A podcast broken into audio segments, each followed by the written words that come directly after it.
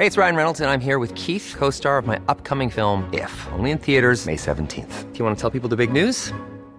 All right, I'll do it. Sign up now and you'll get unlimited for $15 a month in six months of Paramount Plus Essential Plan on us. Mintmobile.com slash switch. Upfront payment of $45 equivalent to $15 per month. Unlimited over 40 gigabytes per month. Face lower speeds. Videos at 480p. Active Mint customers by 531.24 get six months of Paramount Plus Essential Plan. Auto renews after six months. Offer ends May 31st, 2024. Separate Paramount Plus registration required. Terms and conditions apply if rated PG. Here's a cool fact a crocodile can't stick out its tongue. Another cool fact you can get short term health insurance for a month or just under a year in some states. United Healthcare short term insurance plans are designed for people who are between jobs, coming off their parents' plan, or turning a side hustle into a full time gig. Underwritten by Golden Rule Insurance Company, they offer flexible, budget friendly coverage with access to a nationwide network of doctors and hospitals. Get more cool facts about United Healthcare short term plans at uh1.com. Millions of people have lost weight with personalized plans from Noom, like Evan, who can't stand salads and still lost 50 pounds. Salads, generally, for most people, are the easy button, right? For me, that wasn't an option. I never really was a salad guy. That's just not who I am. But Noom worked for me. Get your personalized plan today at Noom.com. Real Noom user compensated to provide their story. In four weeks, the typical Noom user can expect to lose one to two pounds per week. Individual results may vary. Generaler, admiraler, medlemmer, gjester. Varmt velkommen til eh, nok et mandagsmøte i Oslo Militære Samfunn. Frontlinjen virker fastlåst i Ukraina. Bevegelsene ser ut til å være marginale. Og den frie verdens største mareritt, en russisk seier, avgjøres nå av Vesten. Ukraina er 100% avhengig av penger, våpen, all relevant krigsstøtte som de kan få, for ikke å gå på et tap eller en håpløs fred i gåseøyne med Russland. Hvordan kom vi dit vi er nå? Ville Putin angrepet om han hadde hatt noen idé om hva han risikerte å møte? Nei, er mitt svar. Putin er en opportunist som slår til når han kan, der han kan, hvis han tror at han har stor nok sjanse til å klare det. Da er vi over i etterretningens verden. Det er etterretningen som skal gi sjefer beslutningsgrunnlag når krig eller fred er et tema. Førsteamanuensis eh, Tom Røseth, hovedlærer i etterretning ved Forsvarets høgskole, behøver jeg ikke introdusere. Han ser vi på TV og i avisene støtt og stadig. Han har kommet hit i kveld for å gi oss sine tanker om temaet etterretningssuksess og etterretningssvikt i Russlands krig mot Ukraina. Tom, talestolen er din.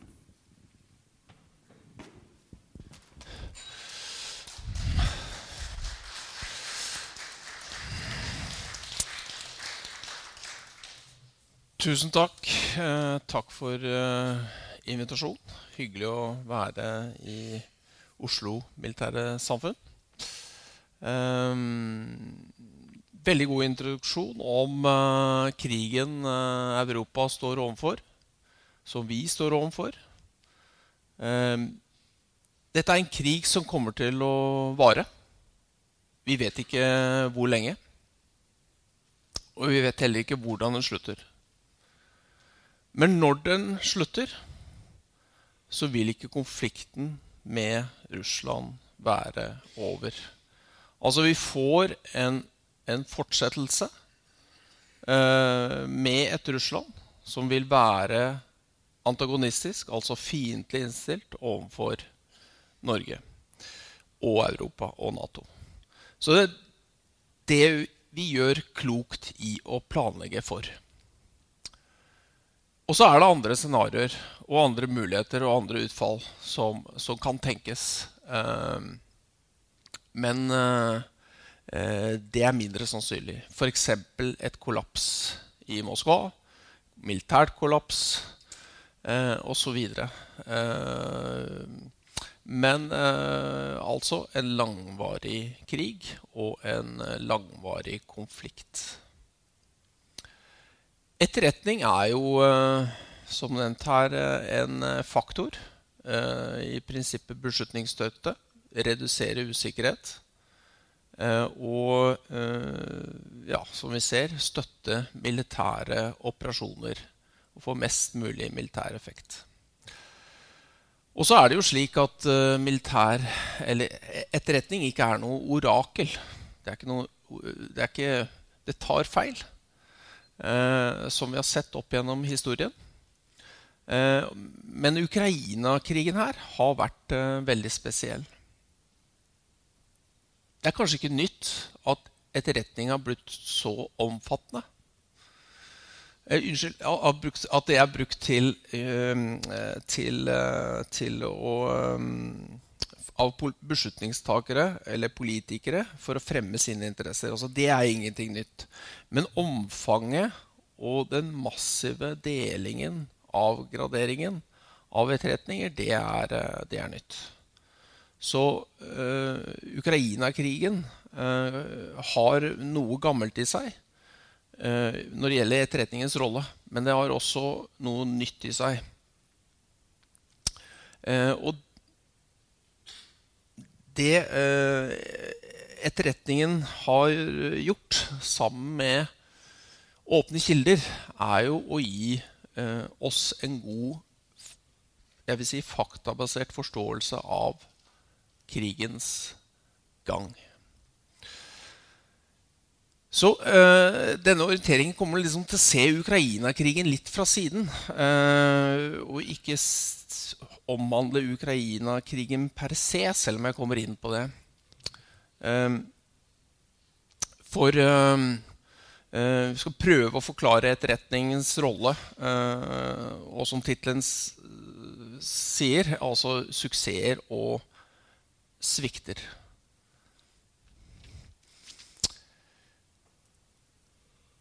Når Putin uh, gjorde denne vurderingen som som eh, det ble nevnt her. Eh, ville han gjort det, ville han ikke gjort det? Om man ser det i dag, det er et vanskelig spørsmål. Men han hadde i hvert fall sine kort på hånden i forkant av uh, invasjonen. Det var mye som talte til Putins fordel, sånn som man vurderte det i Moskva. Man så på Eh, et splittet Vesten over tid. Eh, det moralske forfallet av Vesten, Vestens fall, USAs eh, reduserte rolle, Kinas vekst. En rask krig, noe vi skal komme tilbake til. Veldig, veldig viktig faktor, vil jeg si. De vurderingene som ble gjort i Moskva rundt det. Um, og Kina. Vil, vi må ikke glemme at Kina i forkant av invasjonen oppmuntret Moskva med å, å si at Moskvas, Moskvas krav overfor Nato, eh, som vi husker altså Det var jo så å si å redusere Nato tilbake til 1997 Eh, de kravene var urealistiske, men Kina støttet de. Altså Kina oppmuntret i stor grad Russland. Eh, og så har Kina fått mer enn hva de har spurt om, og dette har skapt mange dilemmaer. Men Kina fortsetter å støtte Russland. Eh, om ikke med eh, militære eh, eh, forsyninger og eller våpen, eh, rett og slett.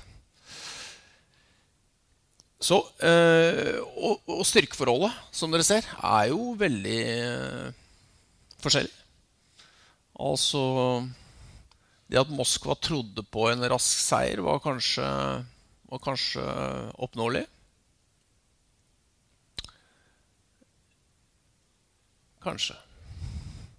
Det viste seg jo absolutt ikke å være det. Og, eh, men at den blir, vurderingen blir gjort, eh, ja vel. Eh, og de var faktisk ikke så langt unna. Det er underkommunisert hvor nære Russland var i å ta Kyiv. Jeg skal komme litt tilbake på det.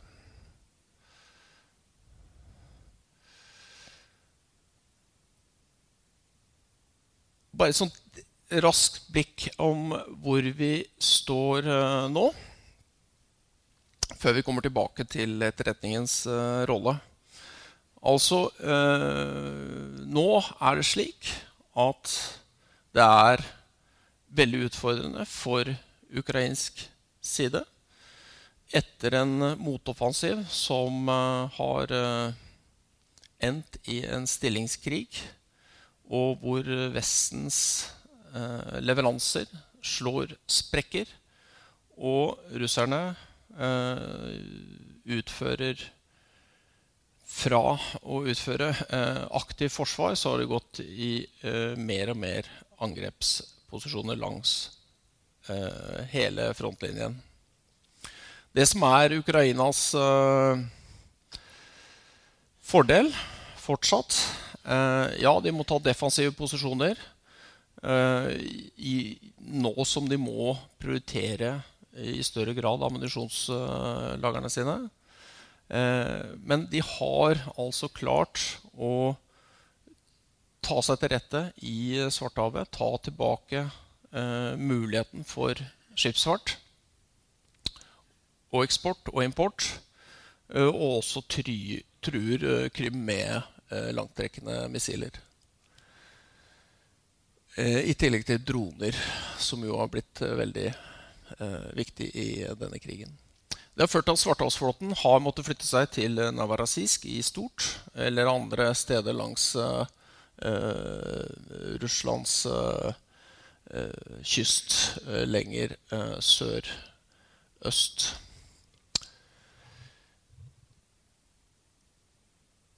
Tilbake til etterretningsproblematikken. Altså Det denne krigen her har gjort, er at den har eh, eh, fått vestlig etterretning, eller amerikansk og britisk etterretning, tilbake eh, der det kanskje ønsker å være. Altså de har fått eh, tilbake sin anseelse etter eh, flere tiår fra dårlig rykte i forbindelse med Irak-krigen, spesielt i 2003. Hvor de jo eh, sa at Saddam hadde masseødeleggelsesvåpen i, i Irak. Eh, men det var altså ikke tilfellet. Og dette har brukt mot etterretningstjenesten i disse to store landene i lang tid. Afghanistan vil jeg ikke si var en etterretningssvikt, men det var i hvert fall en manglende forståelse av eh, konsekvensen av det eh, raske amerikanske nedtrekket og uttrekket. Eh, og eh, da Talibans eh, hurtige eh, overtakelse av, av Afghanistan. Så tidsmessig var det, var det utfordringen for tjenestene. Jeg nevnte at det var massiv anvendelse av etterretning. Eh, og det er det, er det eh, som er eh, nytt med, med, dette her. Og hva fikk man til med etterretningen? Altså, det er jo som vi sier med understøttelse av beslutninger og sånn. Men men det viktige på en måte aggregerte effekten av å fortelle hva som egentlig foregikk, og offentliggjøre det, gjorde at det russiske narrativet ikke fikk feste. ikke sant? Eh, når det er faktabasert, og når det er reelt, så er det ikke mulig for russerne å fornekte hva som skjer. Altså Man tar hånd om narrativet, om hva som skjer, om utviklingen. Eh, og gir ikke handlingsrom for Moskva til å gjøre falske operasjoner, eh, falskflaggoperasjoner, altså påberope eh, seg legitimitet fordi det de eh, me mente var, eller ville uttrykke, var eh, ukrainske overgrep, f.eks. i Donbass. Eller som de også prøvde på, å si at eh, det var skitne bomber eh, eh, prosessering i Ukraina med hjelp fra amerikanerne, f.eks. Noe som er helt, helt borte i dag, men det var ting som russerne eh, forsøkte å få inn i, i, uh, i narrativet I kampen om narrativet. Så, eh, så, så, det å Men narrativ er viktig. Eh, og så er det dette med varsling. Også det å selvfølgelig varsle eh, beslutningstagere om den kommende invasjonen. Utrolig viktig for å gi forberedelse. og det, det spillet som var Eh, om man skal kalle det det, i forkant av invasjonen, hvor amerikanerne sa at nå eh, planlegger russerne et angrep. Nå har de bestemt seg for et angrep. Eh, det frustrerte jo Moskva. Og det gjorde kanskje at russerne gjorde noen justeringer. At de måtte endre tidspunktet. Eh, men det endret altså ikke den strategiske beslutningen i Moskva om å gå til angrep.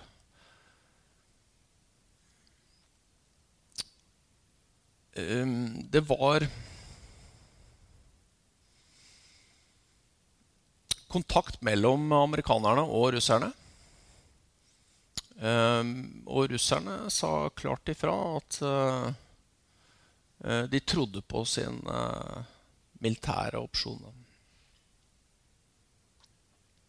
Men det at de hadde aksess til tydeligvis intensjonen i uh, Moskva, er jo selvfølgelig et, uh, et skup fra amerikansk side. En suksess. Som Putin sier her uh, Nei, unnskyld. Som Biden sier her. Jeg er overbevist at han har gjort sin beslutning. Altså, dette var så sent som da 18.2. Men allikevel veldig, veldig viktig Eh, og god beslutningsstøtte som er gitt, og som da offentliggjøres. Jeg har nevnt det med narrativ. Eh, altså I tillegg til å hindre på en måte russisk handlingsrom, så samlet jo selvfølgelig også Vesten rundt et felles narrativ. Og, og jeg liker egentlig ikke ordet narrativ, for det høres liksom falskt ut. Men det er i hvert fall en faktabasert uh, forståelse av uh, krigen som da ble etablert i stort. Selvfølgelig var det enkelte vestlige land som ikke tok varslingen like alvorlig eller trodde like på den varslingen som andre. Uh, men når dette først skjedde, og da fikk du jo gitt den formidlingen som hadde skjedd, Eh, en unison vestlig reaksjon. Som det har vært vanskelig å få ellers. Altså det å, hvis russerne hadde klart å så nok tvil, eller tilstrekkelig tvil til folk Nei, jeg vet ikke helt. Det ene sier det, den andre sier det. Uh, ja, det er klassisk, ikke sant? Så, så, blir det vanskelig å få samlede, raske, gode beslutninger. Og så er det dette med, med narrativet. Da. Det er jo ikke over. Og det er fortsatt kamp. Og selv om man vant Europa, eh, for å si det sånn, Vest-Europa, og mye av verdensopinionen, så er det mye som russerne fortsatt eh, har, har god resonans hos. Altså eh, f.eks. Eh, India, Kina, Eh, det globale sør, som det, som det kalles, er, der er det større aksept for russisk retorikk. Og dette er en pågående kamp som er utfordrende. Og så er det deling av etterretninger. Det har jo blitt gjort en masse. Som tidligere forsvarssjef, la oss kalle det Mark Milley, eh, sa eh, We have opened up the pipes. Altså etterretningsdelingen med Ukraina eh, er eh, god. Eh, den har vært ekstremt eh, viktig. og den har fortsatt en, sterk eh, viktighet for krigens gang, vil jeg si. Og så er det det i innledende fase, da, hvor etterretningen eh, spilte viktig rolle, gitt den varslingen. Eh, F.eks. da med Hostomel flyplass, som er en flyplass eh, tre mil nordvest for eh, Kyiv. Der var det varslet at russerne kom til å prøve å befeste sin midlertidige lite hold der i første ukene. Og kom med forsterkninger for å nettopp få en luftbro for å innta Kyiv. Det klarte man da å stoppe gjennom god etterretning. Og selvfølgelig god militær operasjon. Og, og således hindret russerne den muligheten. Eh, luftvern er en annen viktig ting. Eh, det at man fikk varslet slik at det som var mobilt luftvern, fikk man trukket unna og gjemt. Det faste luftvernet ble i stort ødelagt av russerne i de første bølgene. Men man, da beholdt man en, en uh, luftvernkapasitet uh, som var nok til å hindre russisk luftherredømme, og som man etter hvert har fått forsterket gjennom vestlig, vestlig støtte. Så er det krysseren Moskva som ble tatt i Svartehavet. russiske flaggskipet. Eh, det ble senket eh, av noen eh, ja, ukrainske Neptun-missiler. Men kanskje med litt etterretningsstøtte fra partnere. Akkurat hva som deles, er vanskelig å si, og det skal vi heller ikke gå inn på.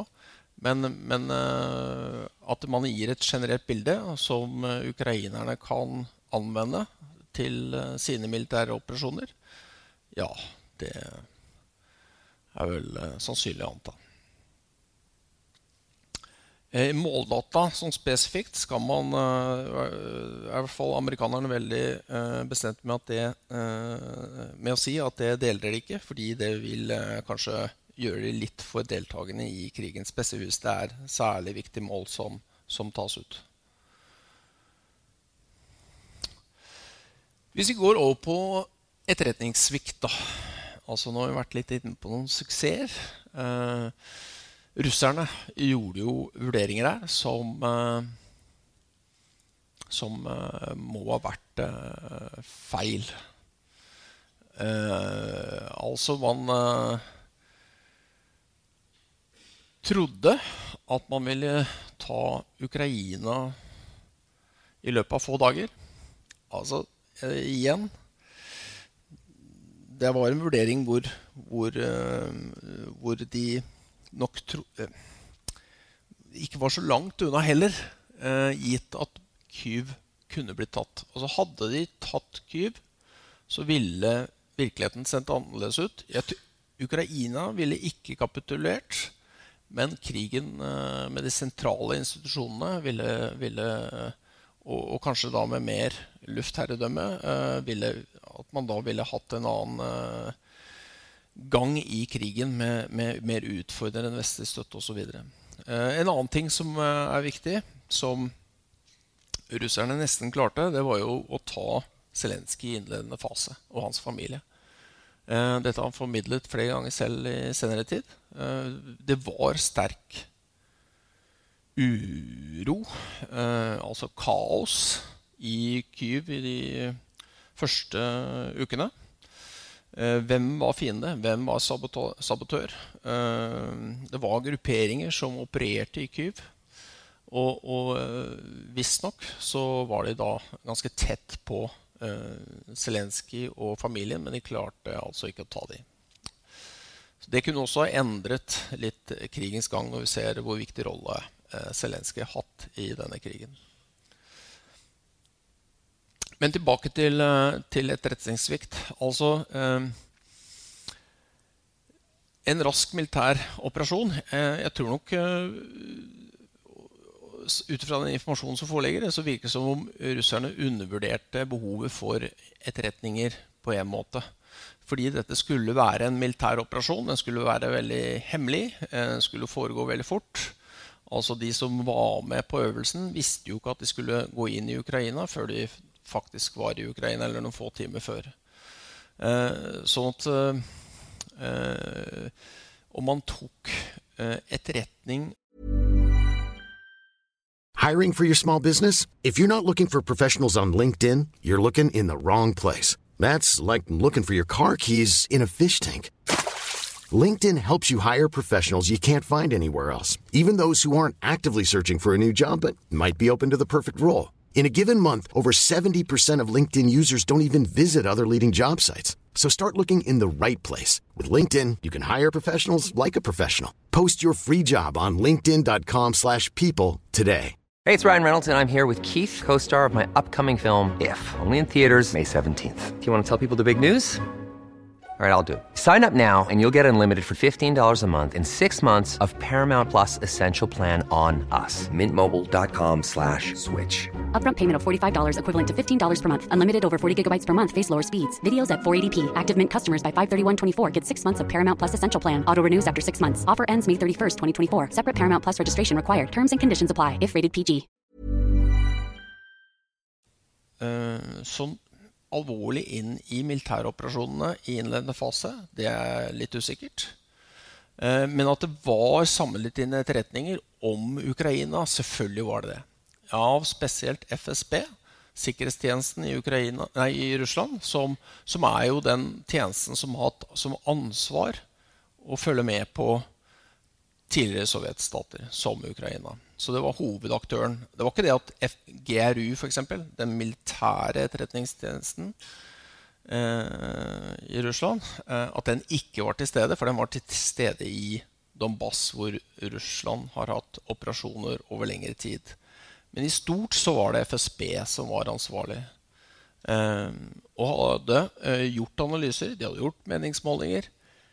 Men formidlet de dette eh, til Putin på korrekt måte? Det er det store spørsmålet, tenker jeg. Eh, altså Putin eh, har jo fortalt eh, og har hatt som politikk at Ukraina Eh, etter 2014 egentlig ikke har hatt livets rett, for å si det rett fram. Altså at hadde ikke anerkjent utviklingen i Ukraina. Altså det å si til Putin at Ukraina er stats- og nasjonsbyggende og har i økende grad fått en egen identitet og eh, distanserer seg fra Russland i økende grad, det tror jeg ikke er populært å formidle til, eh, til Putin. Eh, og ja, det er konkurranse mellom eh, disse hemmelige tjenestene i Russland. Uh, og jeg tror nok den konkurransen har gjort at ja, de utfører overlappende operasjoner osv. I, større, ja, i, i Ukraina og andre. I hvert fall nå gjør de det. Men, men, som sagt, FSB har en stor rolle. Men de konkurrerer også i tekkes Putin eh, og forteller Putin akkurat det han vil høre.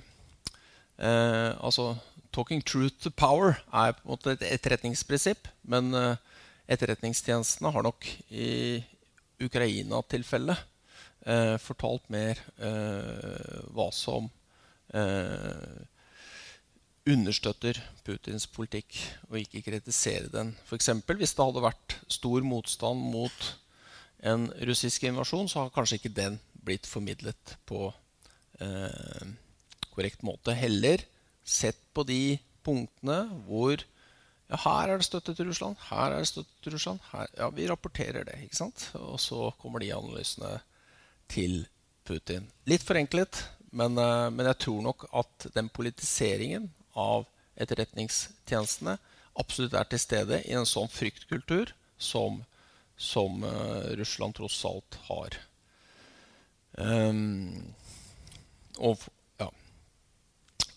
Eksempelet på fryktkultur, hvis en skal uh, si det, er jo hvordan karen til nede til høyre her, Sergej Narysjkin, ble frisket av Putin uh, to dager før invasjonen.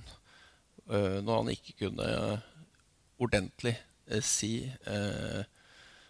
og svare på Putin om hvorfor Om han anerkjente da erklæringen om selvstendige republikker i, i Donbass. Så de feilet eh, på flere ting. Eh, korrupsjon har blitt nevnt som eh, en viktig faktor.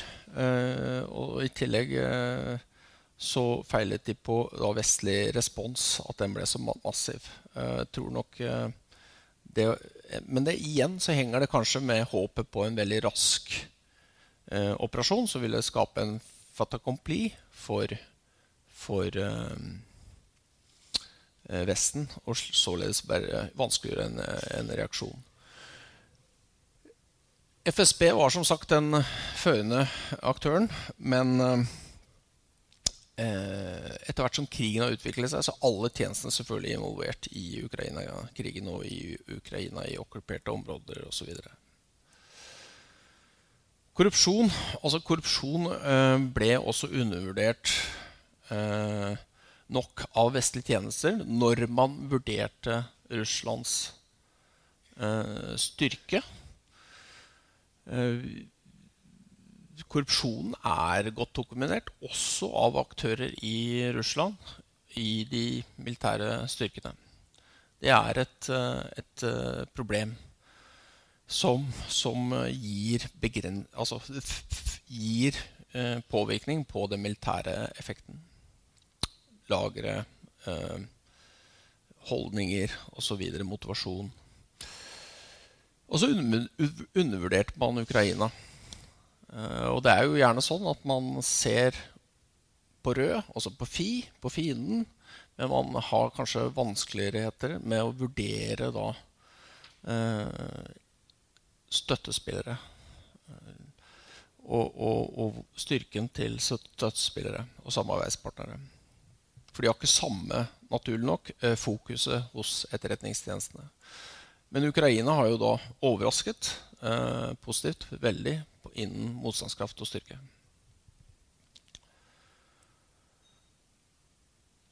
Og så er det ukrainerne. Hva visste de? Når? Og, så og selvfølgelig, som nevnt, så har det vært eh, god etterretningsdeling. Men når Zelenskyj har snakket om dette i jeg tror det var Washington Post Eh, og det har vært intervjuet, eh, eh, så har han snakket om at etterretningen var naken. Altså Det man fikk fra amerikanerne, var kanskje ikke godt nok underbygd med um, informasjon til at han følte at han kunne ta beslutninger. Samtidig så har de visst mye i Ukraina over tid. Altså Det er noe med at de har levd i en situasjon hvor trusselen har vært høy lenge. Altså, selv så hadde jeg eh, besøk av ukrainere i eh, desember eh, før invasjonen. Og de sa da at ja I april 2021 så var trusselen enda større. Og den figuren uh, helt høyre der, som kanskje er vanskelig å se, men samme, uh, tabellene til høyre der sånn, viser at i, i november, slutten av november, så var det ja, det var høy tilstedeværelse av russiske styrker langs grensen. Men det var jammen litt høyere i april samme året, i 2021. Så når er det Russland da kommer til å invadere? Er det nå, eller er det en ny topp, og så kommer det til å gå og roe seg ned, og så kommer det en trussel seinere? Altså, alt har varslet rødt lenge, eh, men når vil det skje? Eh, og det, denne plansjen viser jo da eh, hvordan Russ, Ukraina ser for seg Russlands forsøk på invasjon. Uh, og det, det, er ganske beskrivende. Bortsett fra at man kanskje undervurderte Russlands anvendelse av Belarus. Som jo eh, førte til at Kyiv ble truet, som dere husker, i innledende fase av krigen. Så eh, varslingen kom. ukrainerne hadde selvfølgelig også egne etterretninger som var gode, men når du har kanskje litt konflikterende etterretninger, så hvordan skal du agere på det? Skal du trykke på den store røde knappen? Når skal du gjøre det? Hva vil det føre til? Vil en mobilisering føre til en, en eh, reaksjon av Russland? Vil, vil føre til uh, uh, masseflukt om du sier at dere snart vi snart blir invadert? Alle sånne ting må en president uh, vurdere. Men jevnt over så har i hvert fall ukrainerne anvendt etterretningene godt. Bare et bilde av uh, Ukraina i mars, slutten av mars 2022, hvor det så veldig mørkt ut i nord. Uh, hvor tett de kom inn på Kyiv fra forskjellige akser. Det som, det som var Eh, hvis vi skal se litt på noen eh, kort, veldig militære operasjoner og, og anvendelse av etterretning, og heller eh, svikt da, på russisk side, så er jo dette perioden i, i, i høsten 2022 hvor Da hadde ikke russerne mobilisert ennå. De slet med eh, bemanning av fronten. Ukrainerne klarte i den perioden å mobilisere ekstra kraft. De eh, begynte å bygge opp styrker i Kharkiv, altså i øst der. Eh, litt større felt i hvitt der. Og så hadde de sterk retorikk fra sommeren 2022, og kanskje før også, om at de hadde lyst til å ta tilbake eh, Kherson i sør.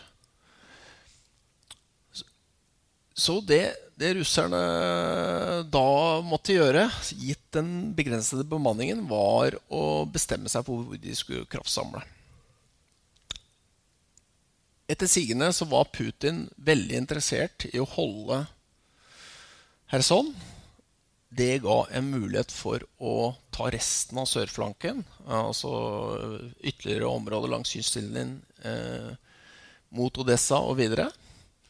Eh, det ga også mulighet for Russland å gå dypere inn i Ukraina om man ønsket det. når man fikk mobilisert. Eh, Kharkiv var kanskje ikke så viktig, eh, så mye av styrkene ble da omprioritert. Og når da Russland gjør dette, så må de gå yttersvingen. Det tar tid. Slik at selv om etterretningene kanskje på russisk side etter hvert identifiserte en oppbygging av styrker i Kharkiv, så var det for sent. Slik at eh, Det er vanskelig å si om etterretningene var eh, gode eller dårlige på russisk side, men i hvert fall sene, eller, eller at det var en politisk prioritering, sannsynligvis også, i Kreml, hvor man prioriterte Kherson over arkiv. Og Det førte jo til at uh, ukrainerne da kunne eh, raskt ta tilbake store territorier i Kharkiv. Eh, og mer etterpå møysommelig gå til verks i Kherson, som de også klarte å, å, ta. Med dette resultatet i Kharkiv først, og så senere i, i uh, Kherson. Bare et lite uh, innsmett på cyberdomenet, som jo er uh, veldig viktig. Og som pågår hele tiden i skyggene, om du vil. Og så Der har man de russiske forskjellige eh, organisasjonene innen sikkerhets- og etterretningstjenestene som opererer i eh, å utføre operasjoner og påvirkning. Og krigen i Ukraina viste at eh, har vist at, at, de egentlig ikke er så godt koordinert. Eh, samtidig som det er eh, eh, kapable aktører. det man kanskje forventet, var en mer sammenfall mellom militære operasjoner og cyberangrep og påvirkning. Eh, det skjer, men i mindre omfang enn ventet. Eh, og så er det slik at de sivile tjenestene, FSB, SVR, de fokuserer mer på kanskje strategisk, strategiske mål, mens GRU, eh, militære eh, tjenesten, fokuserer da på eh, eh, mer militære mål med tanke på militære operasjoner. Men altså ikke, ikke i det omfanget som, som, ventet. Og så er det disse tre fokusområdene. Eh, det å forstyrre eh, altså, Nå var jo eh, Kyivstar akkurat nede for et par uker siden. Noen dager, altså En stor mobiloperatør i Ukraina. Nettsider til forskjellige statlige aktører er selvfølgelig nede tidvis pga. angrep osv. Så, videre. så det er jo en del av cyberangrepene mot Ukraina. Og så er det da eh, Nato og partnerland Eh, som jo også blir angrepet ofte, eh, med noe suksess. Vi har hatt Stortinget her og andre som har blitt eh, angrepet. Hvor, hvor Russland har blitt attribuert, som det heter. Og så er det global informasjonspåvirkning som, som, foregår hele tiden. Narrativet, kampen om narrativet som jeg var inne på, som, som er veldig viktig. Og da er selvfølgelig egen befolkning eh, pri én. Pri to er å prøve å påvirke ukrainerne. Og så er det da Europa og resten av verden som, eh, som tredje. Når man snakker om etterretning og krigen, så er det også viktig å, å, snakke om hvor viktig det er for Moskva å få informasjon og beslutningsstøtte nå. Eh, det er utrolig viktig at eh, etterretningsorganisasjonene leverer til Moskva. Og de har økt press på seg for å gjøre det. Eh, og de tar da også økt risiko. Vi har jo tatt ting her i, i Norge, i Tromsø, med en illegalist eh, eh, osv. Eh, og utvides ut erklæringen av eh, diplomater som persona non grata. 15 stykker eh, i fjor, eh, og veldig mange i Europa over tid nå, som eh, eh, er et signal på at man skal gjøre det vanskelig for russerne å, å operere som etterretningsaktører. Men det er klart de finner alternative veier og annen dekkeidentitet enn en diplomatisk dekke. Det er også økt kontaetterretning selvfølgelig, som også gjør at vi får greie på en del av disse eh, tilfellene. Og, så har eh, eh, russerne eh, en del suksess. Eh, det må vi med i. Altså, du hadde et eh, par tilfeller i Sverige hvor det har vært GRU som har rekruttert viktige folk innen etterretningsvesenet der. Tyskland og, og, en del andre land har hatt tilfeller. Hvis vi uh, trekker oss litt unna etterretningsbildet og ser litt generelt på krigen, som uh, kanskje kan være en uh, Når nå nærmer seg avslutning, en godt, godt, grep, kanskje, det er jo da at vi får uh, framover massive russiske missilangrep. de prøver å få en fordel, gitt eh, også muligheten for at ukrainerne kan gå tomme. Det er vel forhåpentligvis ikke sannsynlig, men at de må prioritere sterkere eh, sine luftvernraketter. Dette avhenger selvfølgelig av vestlig støtte, men at russerne vil fortsette med massive missilangrep som de har spart opp, det er sannsynlig. Vi vil også få en russisk offensiv som uh, er i gang, men uh, begrenset omfang så langt. Taktiske små seire. de ligger ikke an til å få noen store territorielle vinninger per nå. Det vil ta litt tid. Eh, og mye kommer an på igjen vestlig våpenstøtte. Eh, og den er dessverre eh, litt usikker, eh, gitt eh, situasjonen i USA spesielt, hvor, eh, som er den viktigste faktoren for ammunisjon og våpenstøtte til Ukraina. Europa kan erstatte noe hvis de våkner, hvis det skjer ting. Det skjer ting, men da må det skje raskt. Om USA faller fra, helt eller delvis. Um, så dette er en viktig periode uh, hvor, uh, hvor uh, støtten til Ukraina er essensiell for den videre, videre utviklingen langs frontlinja. Regimeskifte i Kreml, det tror jeg ikke på. Skjer det, skjer det plutselig. Og det kan absolutt skje. Wagner-opprøret i juni var nettopp et slikt tilfelle som kunne få dynamikk. Eh, og det kan komme nye sånne ting, selv om selvfølgelig Putin sørger for å befeste eh, og stramme inn mest mulig. Nato-involvering eh, ser på svært lite sannsynlig. Begge parter prøver å unngå det. Som jeg sa, langvarig krig, langvarig konflikt. Vi får eh, en avgjørende periode for europeisk eh, sikkerhetsstruktur. Vestlig utholdenhet dessverre ser ut til å slå sprekker.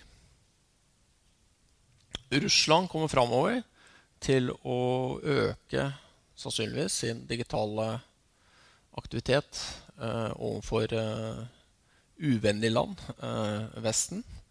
Eh, og etterretningstruslene er, som PST sier, høy. Det vil fortsette å være.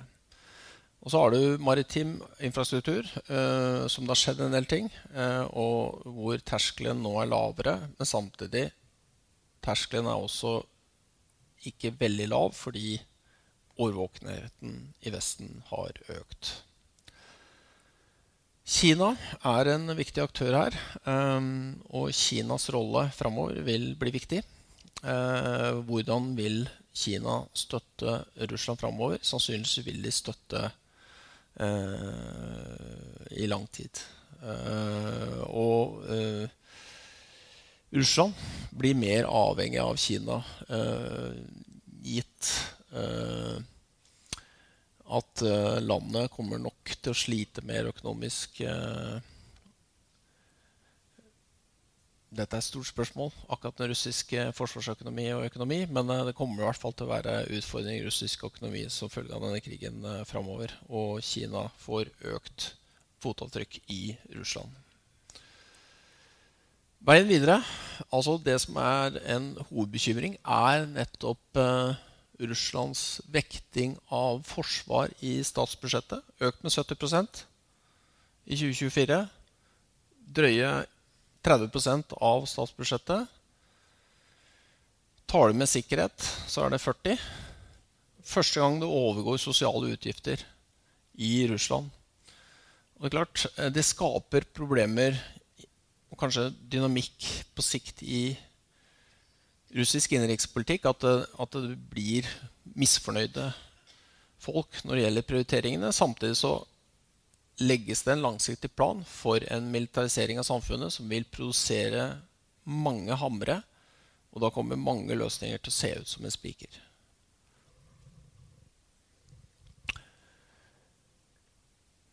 Eh, russiske etterretningstjenester eh, kommer til å fortsette eh, å ha en økt rolle i det autoritære samfunnet som Russland eh, er. Um, og det vil militariseres, som sagt. Eh, så spørsmålet som liksom kan henge litt i luften, er, er om uh, vi i Vesten har forstått Seitonveien Og, og, gitt den utviklingen her, hvilket Russland står vi overfor om tre til seks år? Uh, kanskje spesielt med tanke på at de også kan ha støtte fra Kina. Uh, så et uh, litt alvorstungt uh, bilde, men uh, viktig å ta inn over seg realitetene framover. Da tror jeg vi er på tid.